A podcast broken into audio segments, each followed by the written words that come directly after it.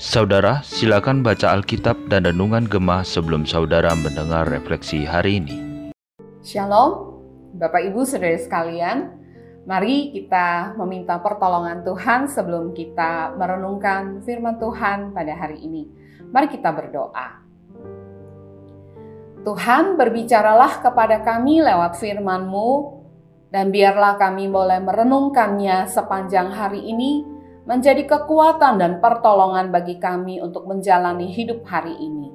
Terpujilah Tuhan, kami berdoa di dalam nama Tuhan kami Yesus Kristus.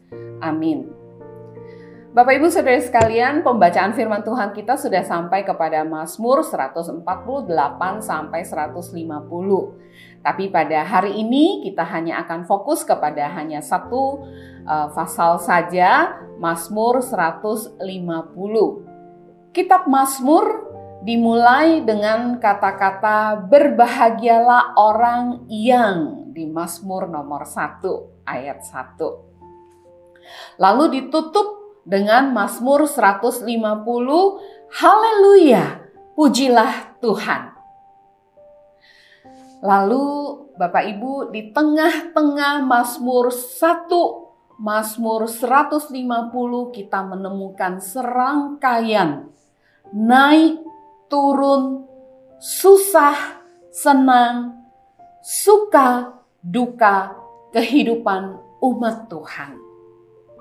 Tapi Tim Keller di dalam renungan Mazmur 150-nya mengatakan, apa pun keadaan umat Tuhan, semua umat Tuhan yang berjalan bersama dengan Tuhan di dalam kehidupan seperti yang dituliskan di dalam Mazmur akan berakhir dengan haleluya, pujilah Tuhan pada akhirnya.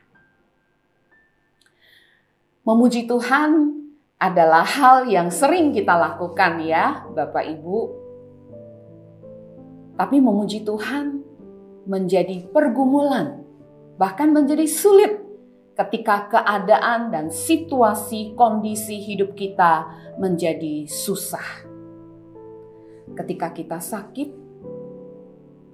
ketika ada anggota keluarga kita yang sedang susah, anak-anak yang salah jalan, kehidupan rumah tangga yang relasinya menjadi tidak baik, resesi ekonomi, masa depan yang kelihatannya suram. Di saat-saat seperti itu, kita sulit memuji Tuhan. Tapi Bapak Ibu, pemazmur memerintahkan kita untuk memuji Tuhan, apa pun situasinya. Biarlah semua yang bernafas memuji Tuhan. Tidak ditentukan oleh kondisi dan situasi hidup kita. Kita masih bisa memuji Tuhan. Nah, Bapak Ibu, pertanyaannya adalah apakah yang akan memastikan kita masih tetap bisa memuji Tuhan di berbagai situasi hidup kita?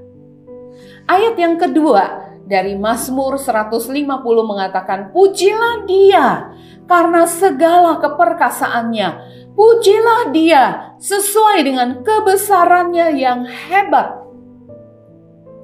Mengapa kita masih bisa memuji Tuhan di dalam berbagai situasi hidup kita, Bapak Ibu? Karena Tuhan. Karena Tuhan masih adalah Tuhan yang perkasa, yang hebat, yang besar. Apa pun, bagaimanapun situasiku dan situasimu. Sehingga di dalam berbagai situasi kita masih tetap bisa mengatakan, "Haleluya, pujilah Tuhan." Tuhan tidak menjadi lebih kecil, lebih sulit menolong kita karena masalah kita terlalu besar, karena Dia adalah Tuhan, dan karena alasan itulah kita masih tetap bisa memuji Tuhan. Ini juga yang disaksikan oleh seorang yang bernama Annie Flint. Sejak kecil orang tuanya sudah meninggal dan menitipkan dia kepada keluarga yang lain. Dari muda dia sakit-sakitan dan tidak bisa melakukan banyak kegiatan. Bapak Ibu, berarti orang ini pasti tidak bisa memuji Tuhan? Benar? Salah. Dia bukan hanya bisa memuji Tuhan, tapi kemudian dia juga menciptakan satu hymns yang sangat indah. He giveth more grace as our burdens grow greater. He sendeth more strength as our labors increase to added afflictions. He added his mercy to multiple trials. He multiplies grace. His love has no limits. His grace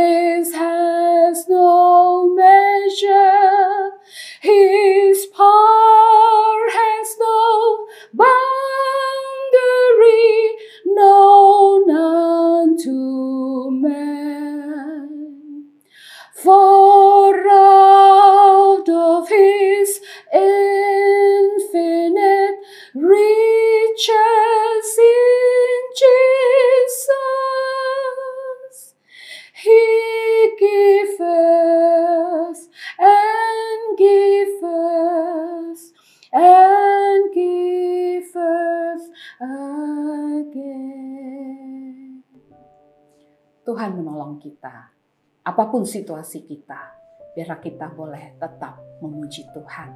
Mari kita berdoa. Tuhan, Engkau tahu apa yang kami alami, apa yang sedang kami gumulkan.